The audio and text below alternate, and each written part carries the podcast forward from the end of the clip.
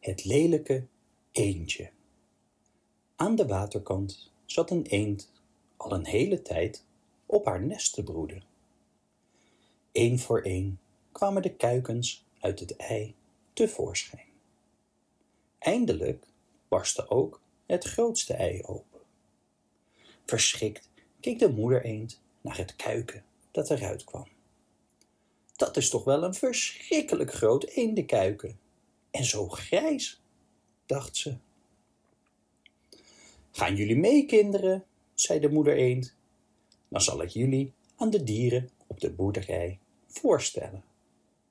Jakkes, wat ziet dat ene jong er lelijk uit, zeiden de dieren op de boerderij. En ze begonnen hem te pesten. Gelukkig beschermde de moeder eend hem. Maar vanaf die dag werd het arme eendje dat het laatst uit het ei gekomen was en er zo lelijk uitzag, door de andere eenden gebeten, geduwd en voor de gek gehouden. Op den duur deden zelfs zijn broertjes en zusjes lelijk tegen hem. Zelfs zijn moeder wilde hem niet meer. Toen besloot het eendje om weg te gaan. Hij kwam bij een groot moeras waar wilde eenden woonden. Daar bleef hij de hele nacht. Hij was moe en verdrietig. Toen de eenden hem de volgende morgen zagen, riepen ze uit: Wat ben jij lelijk! Ver van alle andere dieren bleef het eendje in het moeras wonen. Op een avond in de herfst kwam er een hele vlucht prachtige grote vogels overvliegen. Het eendje had nog nooit zulke mooie dieren gezien. Het waren zwanen. Die winter werd het vreselijk koud. Het eendje probeerde zo lang mogelijk te blijven zwemmen, maar hij werd zo moe dat hij stil bleef liggen en in het ijs vastvroor.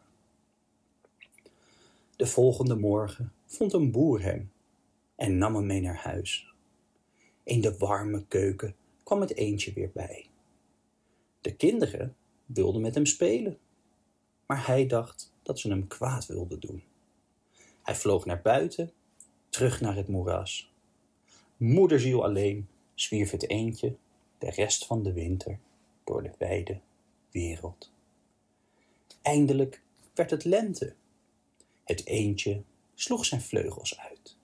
Ze ruisten veel meer dan vroeger. Hij kwam ook veel sneller vooruit. En voor hij het wist, was hij in een grote tuin beland. In de vijver van die tuin streek hij neer. Uit het struikgewas zag hij drie prachtige witte zwanen komen. Het eendje zag dat het net zulke vogels waren als hij lang geleden had zien overvliegen. Hij zwom de zwanen tegemoet. Toen hij vlakbij hem was, boog hij zijn kop. Maar wat zag hij in het heldere water? Hij zag zijn eigen spiegelbeeld. Dat was geen onhandig donkergrijs kuiken meer. Hij was zelf een zwaan geworden. Wat was hij blij. Er kwamen een paar kinderen naar de kant van de vijver. Ze gooiden brood in het water. Er is een nieuwe bij, riep het kleinste kind. En de anderen juichten. Ja, en hij is het mooist van allemaal. Toen voelde hij zich verlegen. Hij dacht eraan hoe hij gepest was. En nu vonden de kinderen hem de mooiste. Zijn veren ruisten. Hij strekte zijn slanke hals en dacht blij. Van zoveel geluk had ik niet kunnen dromen toen ik nog een lelijk jong eendje was. De nieuwe kleren van de keizer. Er was eens een keizer die zo dol was op nieuwe kleren dat hij al zijn geld eraan uitgaf. Het liefste wat hij deed was zijn nieuwe kleren laten zien. Op een dag kwamen er in het paleis twee bedriegers. Ze zeiden dat ze wevers waren en speciale stof konden maken die onzichtbaar was. Domme en oneerlijke mensen konden de stof niet zien. De keizer vond het een geweldig idee om deze stof te kopen. Zo zou hij ontdekken welke onderdanen oneerlijk of dom waren. Hij gaf de bedriegers veel geld en zij gingen weven. Ze bestelden de mooiste stoffen en deden alsof ze heel hard werkten. Maar eigenlijk stopten ze alles in hun eigen zak en maakten helemaal niets. Even later was de keizer benieuwd of de kleren klaar waren. Hij vond het ook spannend. Stel je voor dat hij zelf de nieuwe kleren niet zou kunnen zien. Dus stuurde hij eerst een slimme man. Toen hij de lege weefgetouwen zag, schrok hij enorm. Oh nee, er was niets te zien. Maar hij zei niets. De bedrieger toonde de kleren. Maar weer zag hij niets. Hij dacht, ben ik nu zo akelig dom? Dit mag nooit iemand weten. Dus hij zei dat de kleren prachtig werden.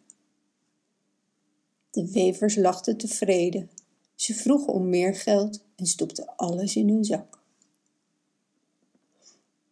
Toen stuurde de keizer een eerlijke man. Maar ook deze man zag helemaal niets. Hij wist zeker dat hij niet dom was. Dus dan was hij zeker niet eerlijk. Natuurlijk mocht niemand dat weten. Dus ook hij deed alsof en zei dat de kleren prachtig waren. Daarna ging de keizer zelf kijken. Hij nam een heleboel mensen mee, ook de slimme en de eerlijke man.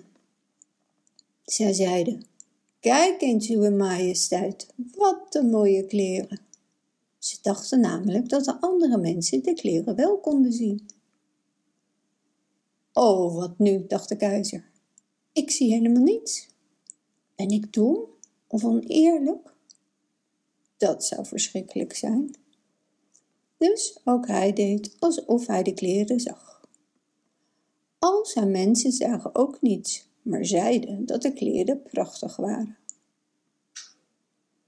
De volgende dag was er een feestelijke optocht. De hele nacht ervoor deden de bedriegers alsof ze hard werkten. Ochtends gingen de keizer en zijn hofhouding opnieuw kijken. En de wevers zeiden, de kleren zijn zo licht als spinnerig. Het lijkt alsof je niets aan hebt, maar dat maakt het juist zo mooi. Schitterend, riep iedereen, maar niemand kon wat zien, want er was ook niets. De keizer trok zijn oude kleren uit en deed de nieuwe kleren aan. Hij zag niets in de spiegel, maar iedereen riep, wat een prachtige kleren.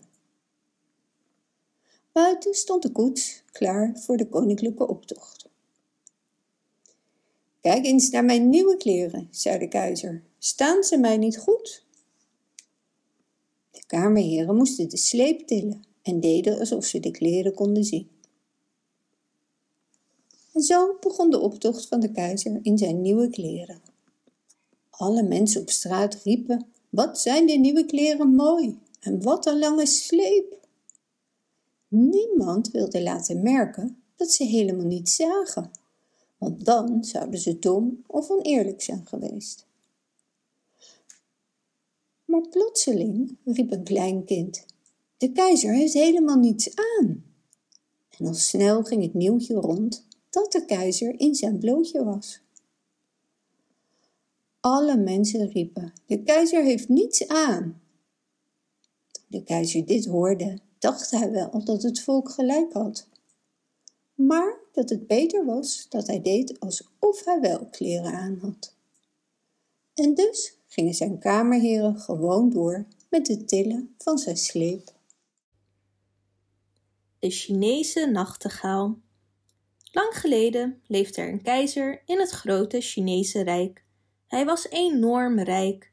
Het hele paleis bestond uit kostbaar porselein. Zijn paleistuin was zo ontzettend groot dat je er makkelijk kon verdwalen.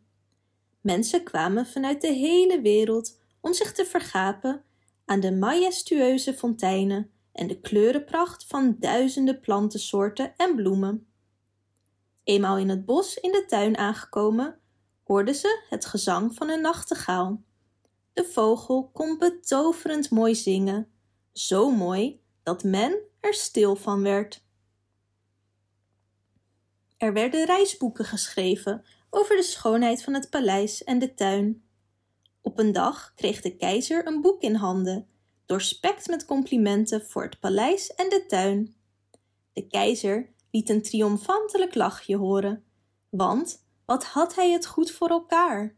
Maar toen las hij het paleis en de tuin zijn zeker het allermooiste wat ik ooit heb gezien, maar de gouden stem van de nachtegaal overtreft het allemaal. Van schrik liet de keizer het boek uit zijn handen vallen.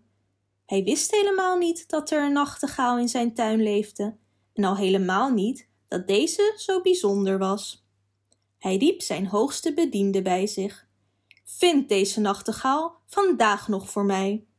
De hoogste bediende maakte zich snel uit de voeten, want als de keizer eenmaal humeurig was, dan is dat het beste wat je kunt doen. Hij vroeg iedereen in het paleis naar het bestaan van de nachtegaal. Niemand wist ervan, behalve de keukenhulp. Ze bracht de bediende naar de plek waar je de vogel kon horen zingen. De nachtegaal was geen indrukwekkende vogel om te zien, maar de bediende genoot van het prachtige stemgeluid. Hij vroeg de nachtegaal of deze voor de keizer in het paleis wilde zingen. De nachtegaal beloofde het.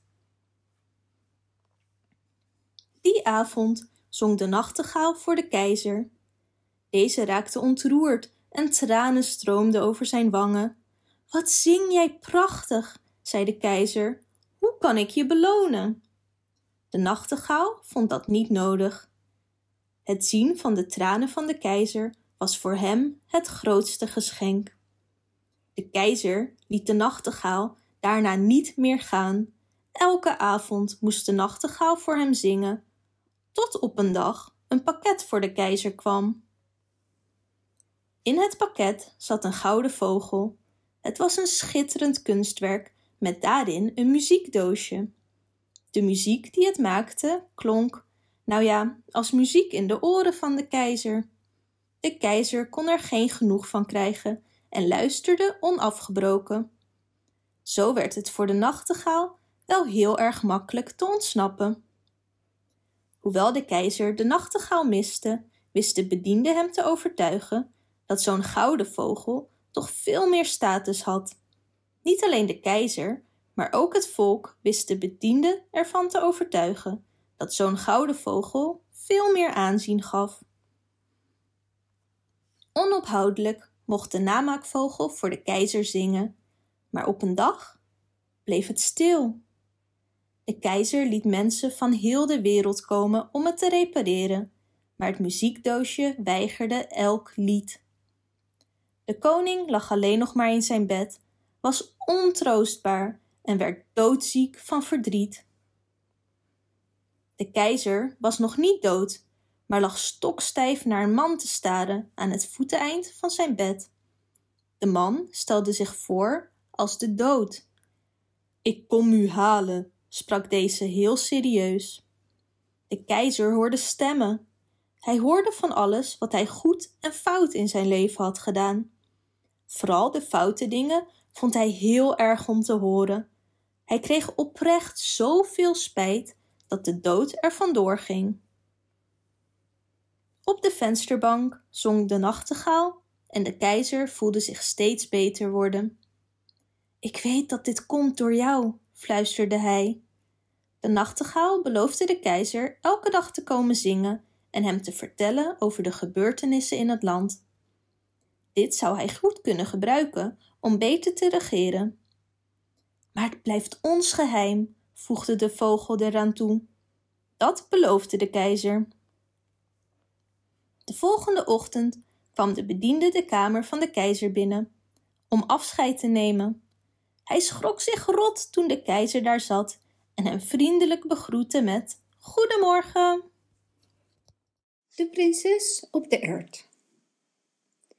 Er was eens een prins die dolgraag wilde trouwen.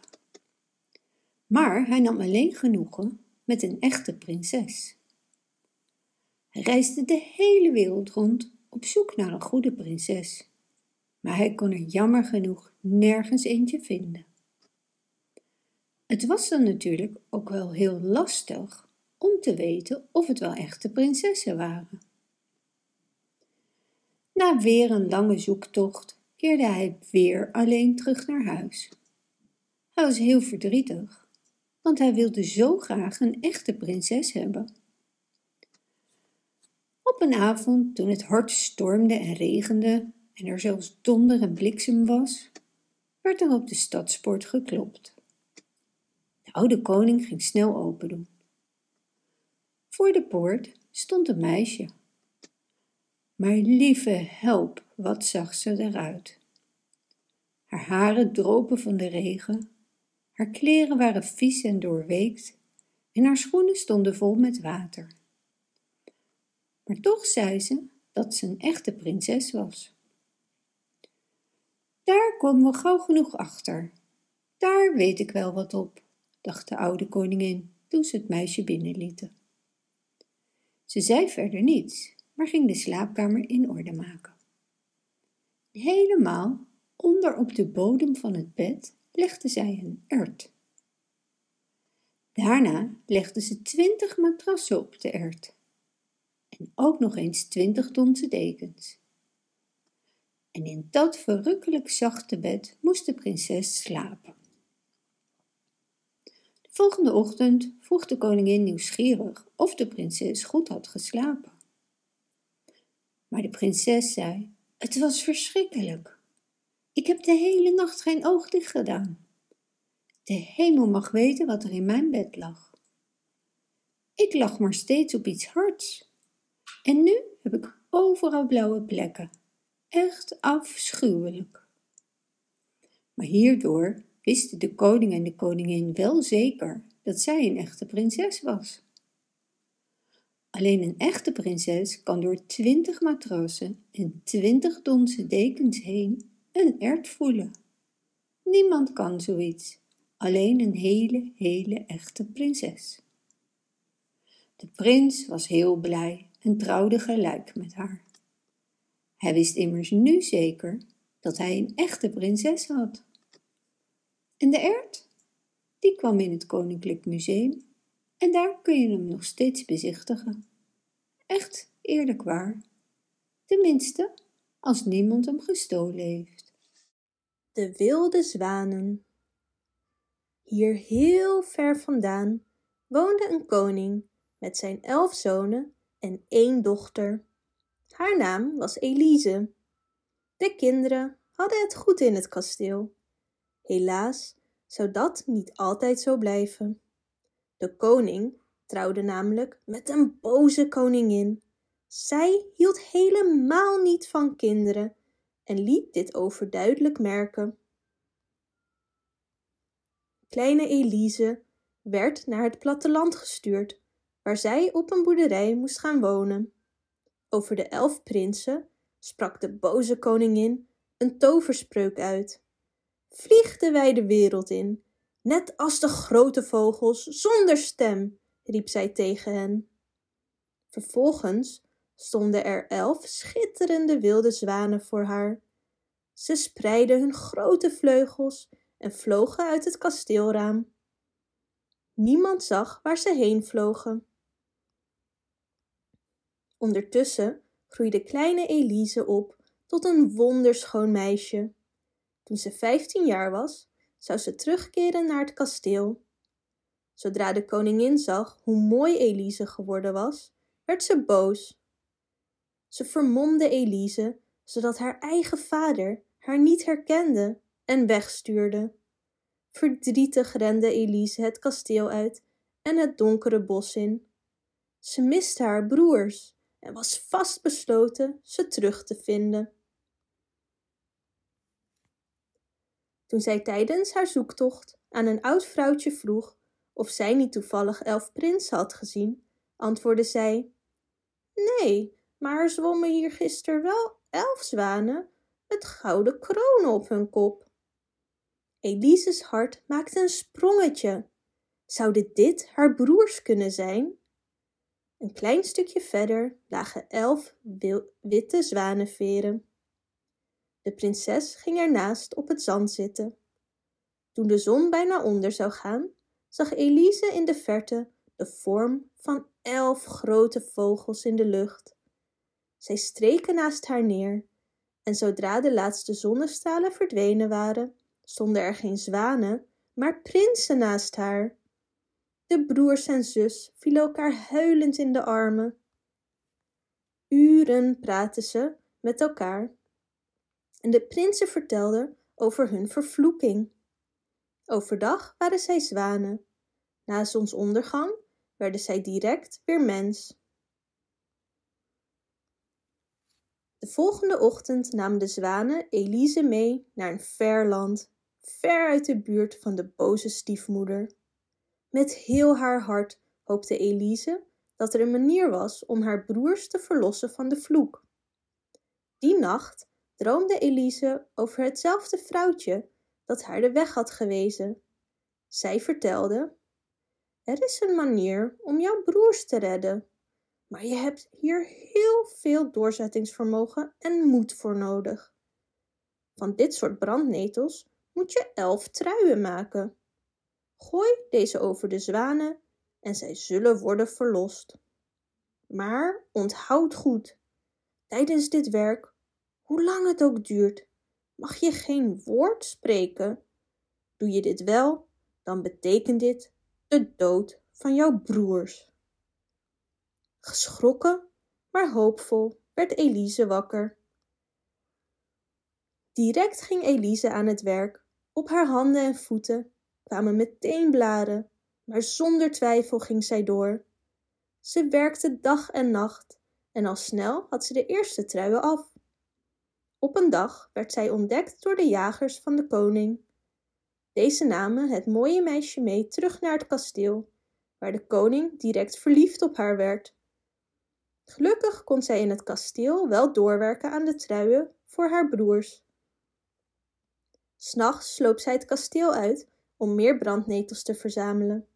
Toen de koning dit ontdekte, was hij bang dat zijn toekomstige koningin een heks was en liet haar opsluiten. In haar cel mocht Elise haar brandnetels en de algemaakte truien houden. Onvermoed werkte zij door. Op de dag van haar terechtstelling had zij tien van de elf truien af. Haastig werkte zij door, om ook de laatste trui nog op tijd af te krijgen.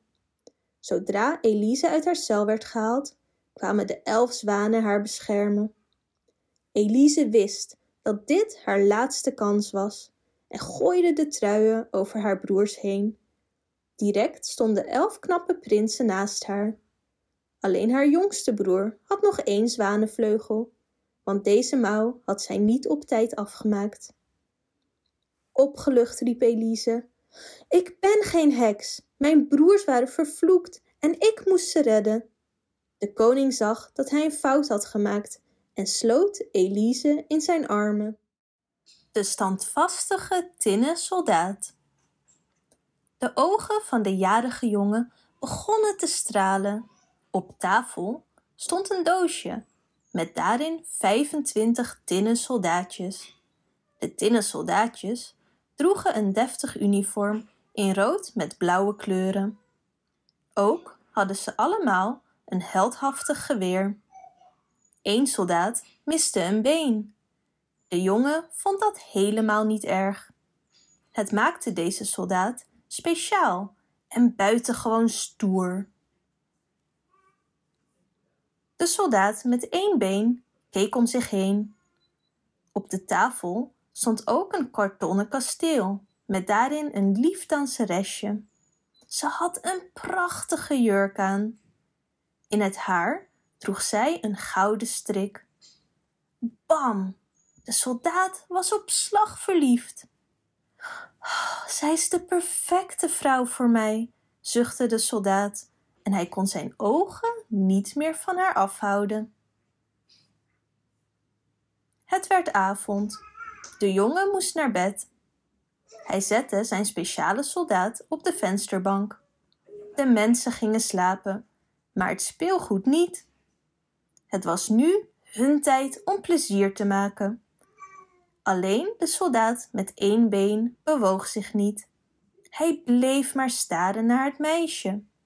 Wat zou hij haar graag in zijn armen nemen, maar hij was veel te verlegen om het te vragen.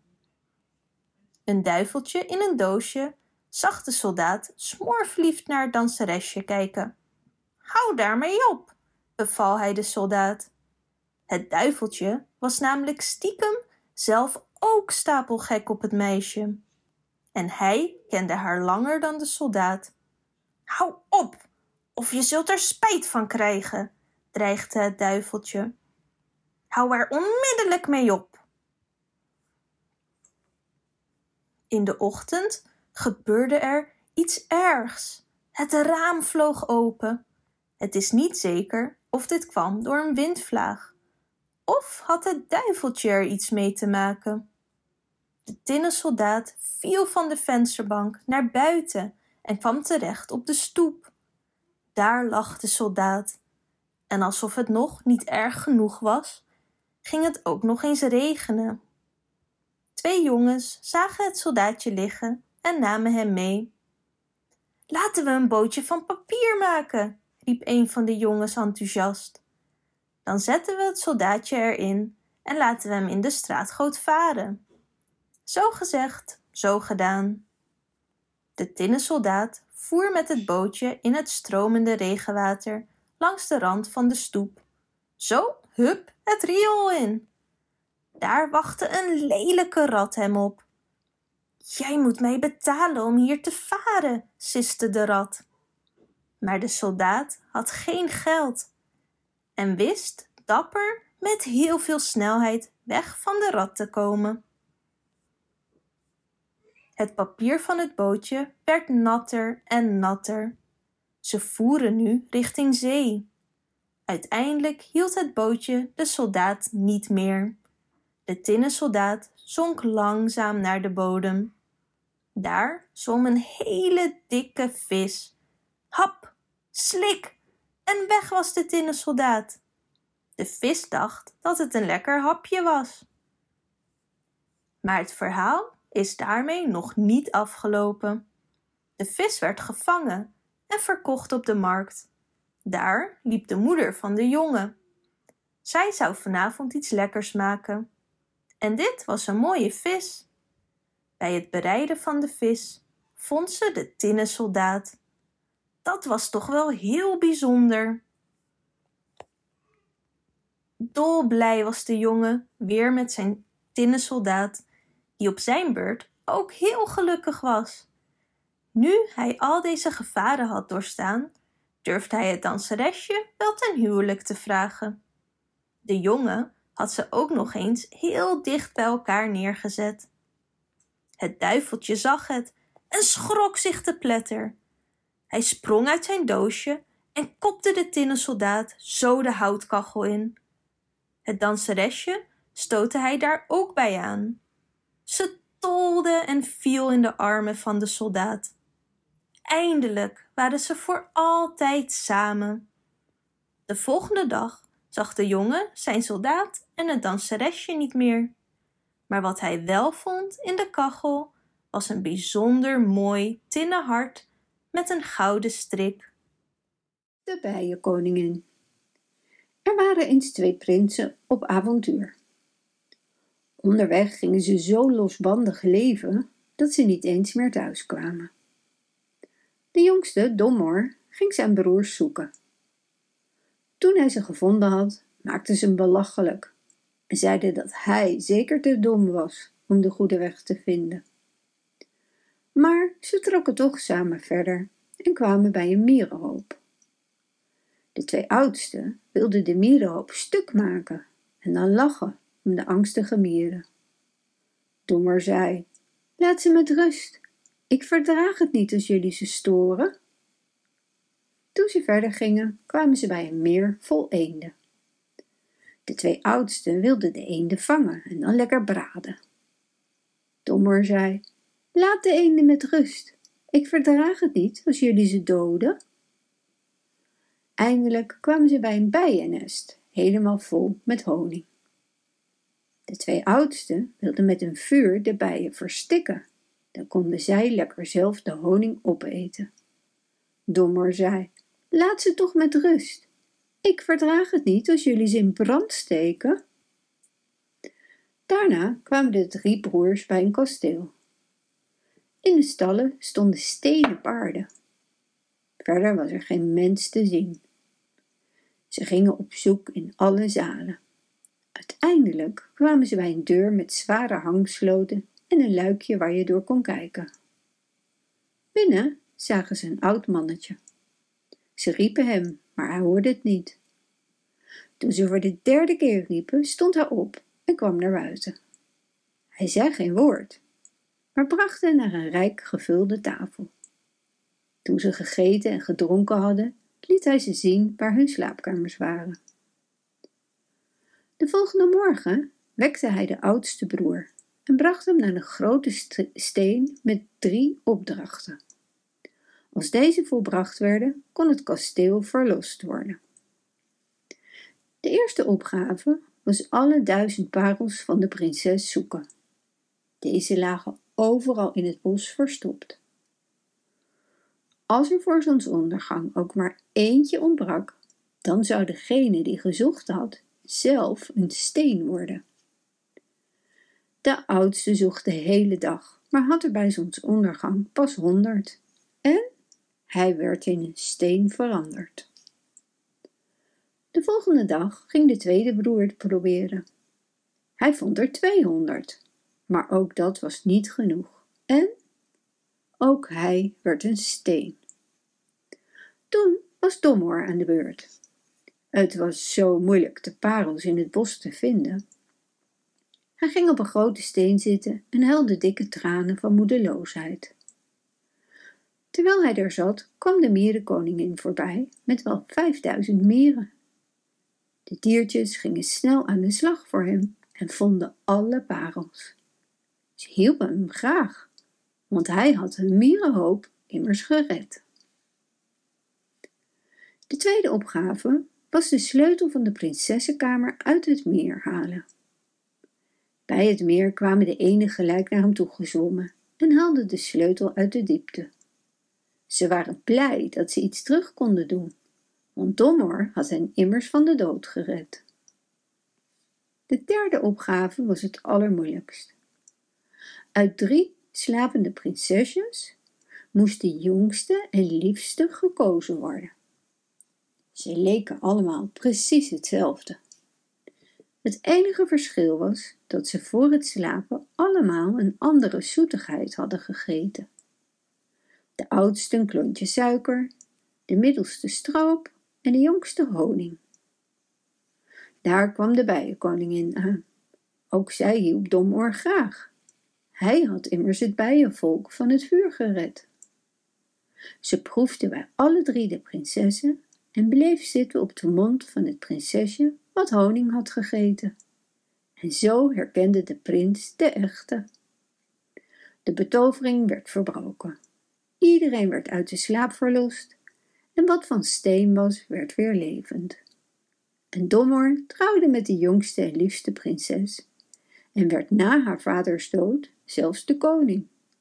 En zijn broers? Die trouwden met de oudste zusters. De rode schoentjes. Heel lang geleden was er een erg arm meisje dat altijd op haar blote voetjes liep. Op de dag dat haar moeder stierf, kreeg Karen, want zo heette zij, van vrouw schoenmaker een paar rode schoentjes. De schoentjes waren gemaakt van lappen, maar het waren de mooiste schoenen die Karen ooit had gehad. Terwijl Karen op haar rode schoentjes achter de kist van haar moeder aanliep, reed er een schitterend rijtuig langs. De oude, rijke dame in de koets zag Karen lopen en kreeg medelijden met haar. Kom maar bij mij wonen, lief meisje, zei zij. En dat gebeurde. Karen kwam in huis bij de oude dame en kreeg mooie nieuwe kleren. De rode schoentjes werden weggegooid, omdat de oude dame ze afschuwelijk vond. Karen vond dat jammer, maar was veel gelukkiger dan ze ooit geweest was. Op een dag kwam de koningin met de kleine prinses naar de stad. Iedereen kwam naar de prinses kijken. Ook Karen wilde een glimp van het meisje opvangen. Toen ze de prinses zag staan, zag ze dat het meisje prachtige rode schoentjes aan had. Ze waren veel mooier dan de rode schoentjes die Karen zelf eerst had. Had ik zelf maar zulke schoentjes, dacht zij een beetje jaloers. Een paar jaar later was Karen oud genoeg om aangenomen te worden in de kerk. Speciaal hiervoor kreeg zij nieuwe kleren. Ook mocht ze van de oude dame nieuwe schoenen laten maken. Bij de schoenmaker zag Karen direct prachtige rode schoentjes staan, precies zoals de prinses jaren geleden gedragen had. Meteen wist Karen dat zij deze schoentjes wilde hebben. De oude dame zou dit nooit goed vinden, maar omdat zij niet meer goed kon zien, besloot Karen de schoentjes toch stiekem te kopen. De volgende dag liep Karen door de kerk op haar nieuwe schoentjes. Niemand kon zijn ogen afhouden van de opvallende lakschoentjes.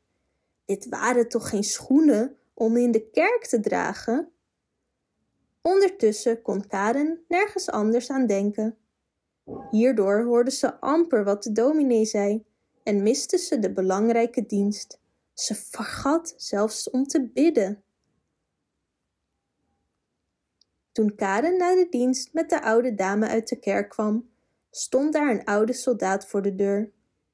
Deze keek naar de schoenen van Karen en zei: Dat zijn dan schoenen, geen schoenen voor een kerkdienst. Toen gaf hij een tik tegen de zolen van de schoentjes. Blijf maar stevig zitten tijdens het dansen. Direct kreeg Karen het onbedwingbare gevoel dat zij moest dansen. Ze deed voorzichtig één danspasje en kon opeens niet meer stoppen met dansen.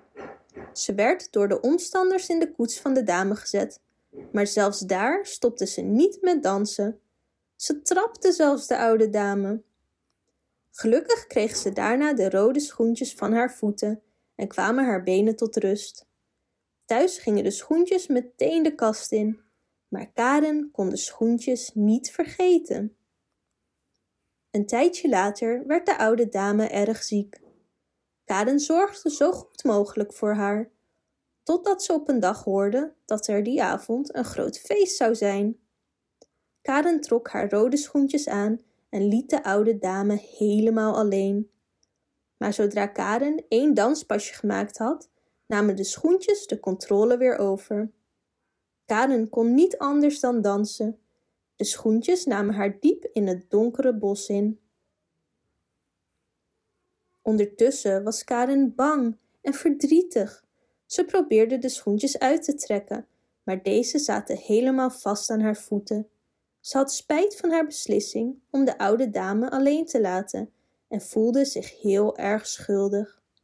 Karin danste dag en nacht over velden en wegen en soms dwars door de stad. Nog nooit had ze zich zo alleen gevoeld. Op een dag danste Karen langs het huis van de beul. Help me, riep ze naar hem. En dat deed hij. Hij hakte de schoentjes van Karens voeten en maakte mooie nieuwe houten voeten voor haar. Ondertussen dansten de schoentjes verder, de horizon tegemoet. Karen ging snel terug naar de stad, waar zij een goed en rustig leven leidde, en nooit meer keek ze om naar mooie kleren. Duimelijntje. Er was eens een vrouw die heel graag een kindje wilde, maar niet wist waar ze dat kon halen. Dus vroeg ze een oude heks om hulp. Ik heb een speciale gerstekorrel, zei de heks. Doe deze in een bloempot en kijk maar. De vrouw plantte de korrel. Onmiddellijk kwam er een grote bloemknop. Wat een prachtige bloem, riep de vrouw en ze kuste de bladeren. Toen ging de bloem open. Het was een echte tulp. En In het midden zat een klein, mooi meisje. Ze was niet groter dan een duim, dus noemden ze haar Duimelijntje. Ze maakte van een notendop een wiegje met bloemblaadjes als matras en deken. Overdag speelde het meisje op de tafel. In een bord met water lag een bloemblad waarop zij kon rondvaren. Ze had twee paardenharen om mee te roeien. Duimelijntje zong prachtige liedjes en was heel gelukkig. Maar op een nacht kwam er een dikke, lelijke pad door een kapot raampje binnen en sprong op de tafel. Dit is een mooie vrouw voor mijn zoon, zei de pad. En ze nam Duimelijntje in het wiegje mee. De pad woonde met haar zoon bij de rivier. O, wat was de zoon lelijk. Kwak, kwak, zei de pad toen hij het muisje zag. Sst, zei de moederpad, anders wordt ze wakker en loopt ze weg. Ze legde haar op een waterlelieblad in de rivier en ging in het paddenhuis inrichten. Damelijntje werd wakker en huilde. Ze wilde daar niet wonen en al helemaal niet met een pad trouwen. De visjes die ook in de rivier woonden, hadden alles gehoord en bekeken het meisje nieuwsgierig. Ze vonden haar erg lief en wilden helpen, zodat ze niet met het pad hoefde te trouwen. Daarom knaagden ze de groene steel van het blad los zodat Duimelijntje op het blad de rivier af kon drijven, ver bij de padden vandaan. En zo reisde Duimelijntje verder. Onderweg zongen er veel vogels. En er vloog ook een wit vlindertje een stukje mee. Ze vonden elkaar gelijk heel lief. Duimelijntje bond haar riempje vast aan het blad en aan de vlinder. En nu kwam ze nog veel sneller vooruit. Even later vloog er ook een grote kever voorbij. Hij vond Duimelijntje zo lief dat hij haar meenam. Het groene blad dreef verder over de rivier en de vlinder ook, want die zat nog vastgebonden. Wat schrok Duimelijntje. Maar ze was nog banger om de vlinder, die vastzat en misschien wel erge honger had. De kever was juist blij. Hij gaf Duimelijntje honing. Hij vond haar lief, ook al leek ze helemaal niet op een kever. Maar toen de andere kevers haar zagen, vonden ze haar raar en lelijk. Toen geloofde de kever ook dat ze lelijk was en wilde haar niet meer. Hij zette haar op een madeliefje. En daar huilde ze, omdat ze lelijk was en de kever haar niet wilde maar eigenlijk was ze zo mooi en teer als een rozenblaadje. En zo woonde Duimelijntje de hele zomer en herfst alleen in het bos, onder een klaverblad in een zelfgemaakt bedje van grassprietjes. Ze dronk dauw van de bladeren en at honing uit de bloemen. Maar toen kwam de winter met sneeuw en kou en haar dunne lijfje zou gauw bevriezen. Ze liep door een korenveld en zag opeens een muizenholletje. Ze ging erheen om wat te eten te vragen.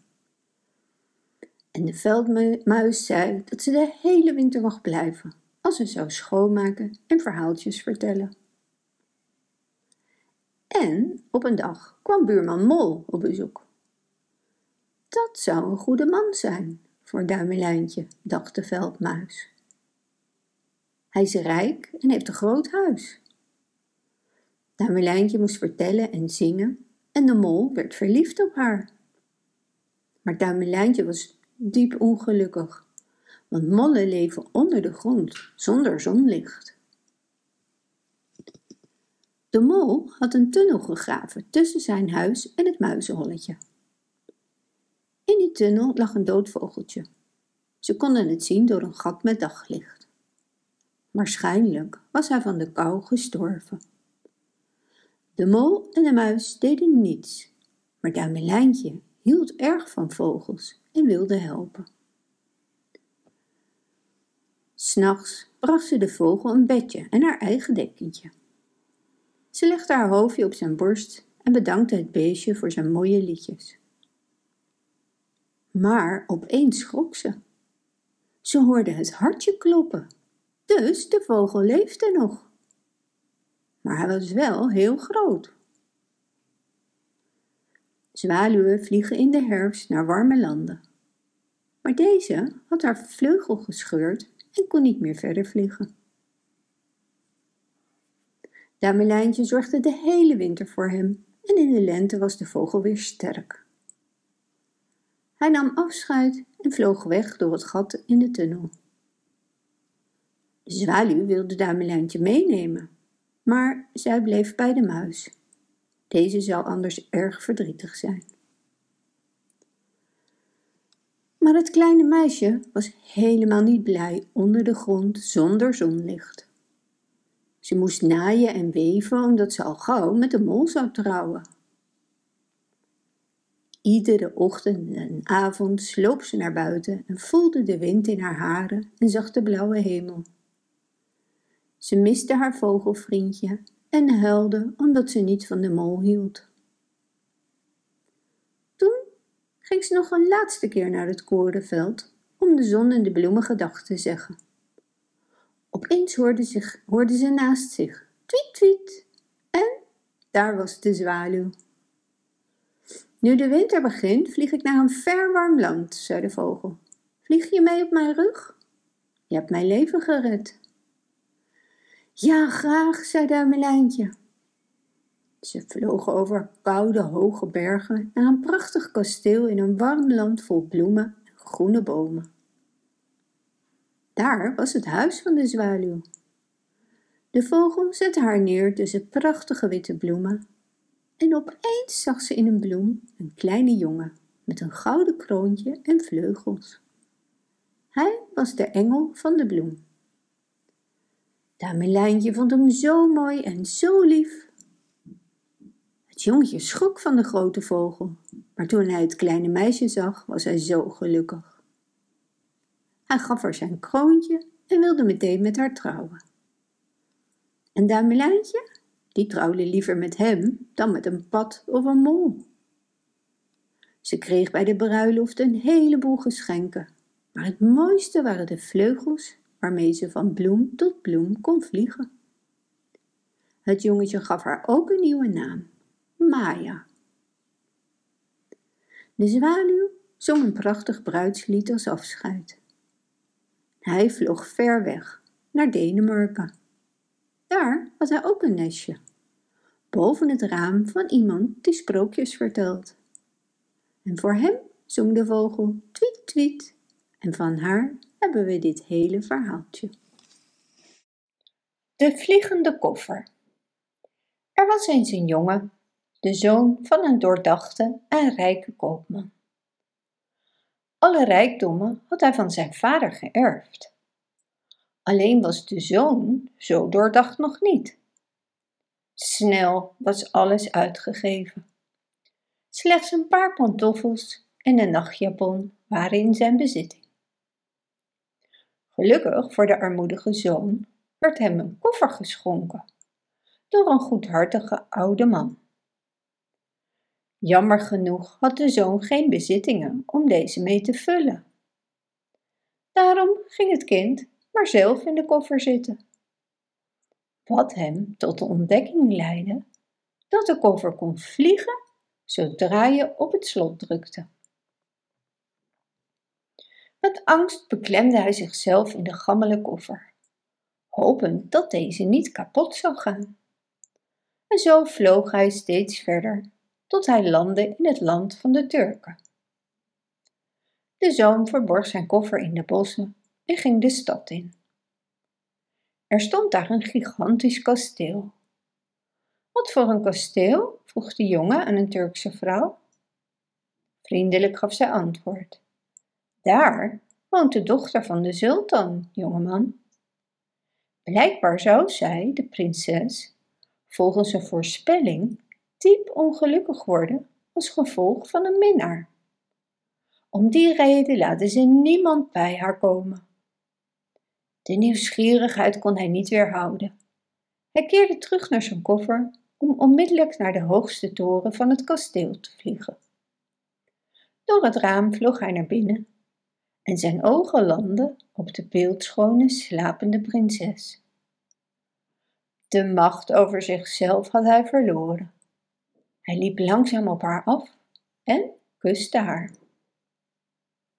De prinses schrok wakker, maar die angst veranderde in verwondering. Want de zoon gaf aan dat hij de Turkse god was, zoals hij naar hier was komen vliegen. Zonder enige weerhouden begon hij te spreken over haar uiterlijk. Over elk van haar kenmerken wist hij met passie een sprookje te vertellen. Met die mooie praatjes wist hij wel raak. Dus hij vroeg meteen om de hand van de prinses, waarop hij ja als antwoord kreeg. Aanstaande zaterdag moet je hier komen. Dan zijn de sultan en sultani hier op de thee. Zorg dan dat je het mooiste sprookje weet te vertellen. Voor mijn moeder moet het zedelijk en serieus zijn. En voor mijn vader moet het komisch en lachwekkend zijn. En zo vertrok de zoon weer om zich voor te bereiden op zaterdag. Hij kocht een nieuwe kamerjapon en besteedde zoveel mogelijk tijd en aandacht aan het verhaal dat hij zou voordragen. Spoedig was het zaterdag. De koninklijke familie en het gehele hof waren aanwezig. Vriendelijk werd de zoon ontvangen. Vol verwachting wilde iedereen zijn verhaal horen. De zoon begon te vertellen en al gauw wekte hij levenloze objecten tot leven, tot karakters die elk een verhaal te vertellen hadden. Potten, pannen, lucifers, iedereen had wat te zeggen. Het koninklijke paar was onder de indruk. Ze konden zich volledig in de levendige keukenobjecten plaatsen. Meteen schonken ze de jongen de hand van de prinses. Uiteraard volgde er een feest om het huwelijk te vieren. Het hele volk was in vreugd en juichte luid. De zoon vierde mee en vloog door de met vuurwerk bezaaide lucht. Schitterend was het. Eenmaal in het bos geland, keerde de zoon terug de stad in. Het volk beweerde met eigen ogen de god van de Turken gezien te hebben, vliegend in een mantel van vuur. De zoon was nog nooit zo blij. Toen hij terugkeerde naar het bos, was zijn koffer nergens te bekennen. Slechts een hoopje as lag daar. De koffer was verbrand door het vuurwerk. Nooit meer kon hij terug naar de prinses, terwijl zij voor altijd op hem zou wachten. Bedankt voor het luisteren. Wist je dat je dit verhaal ook op onze website ririro.com/nl kunt lezen, downloaden en printen?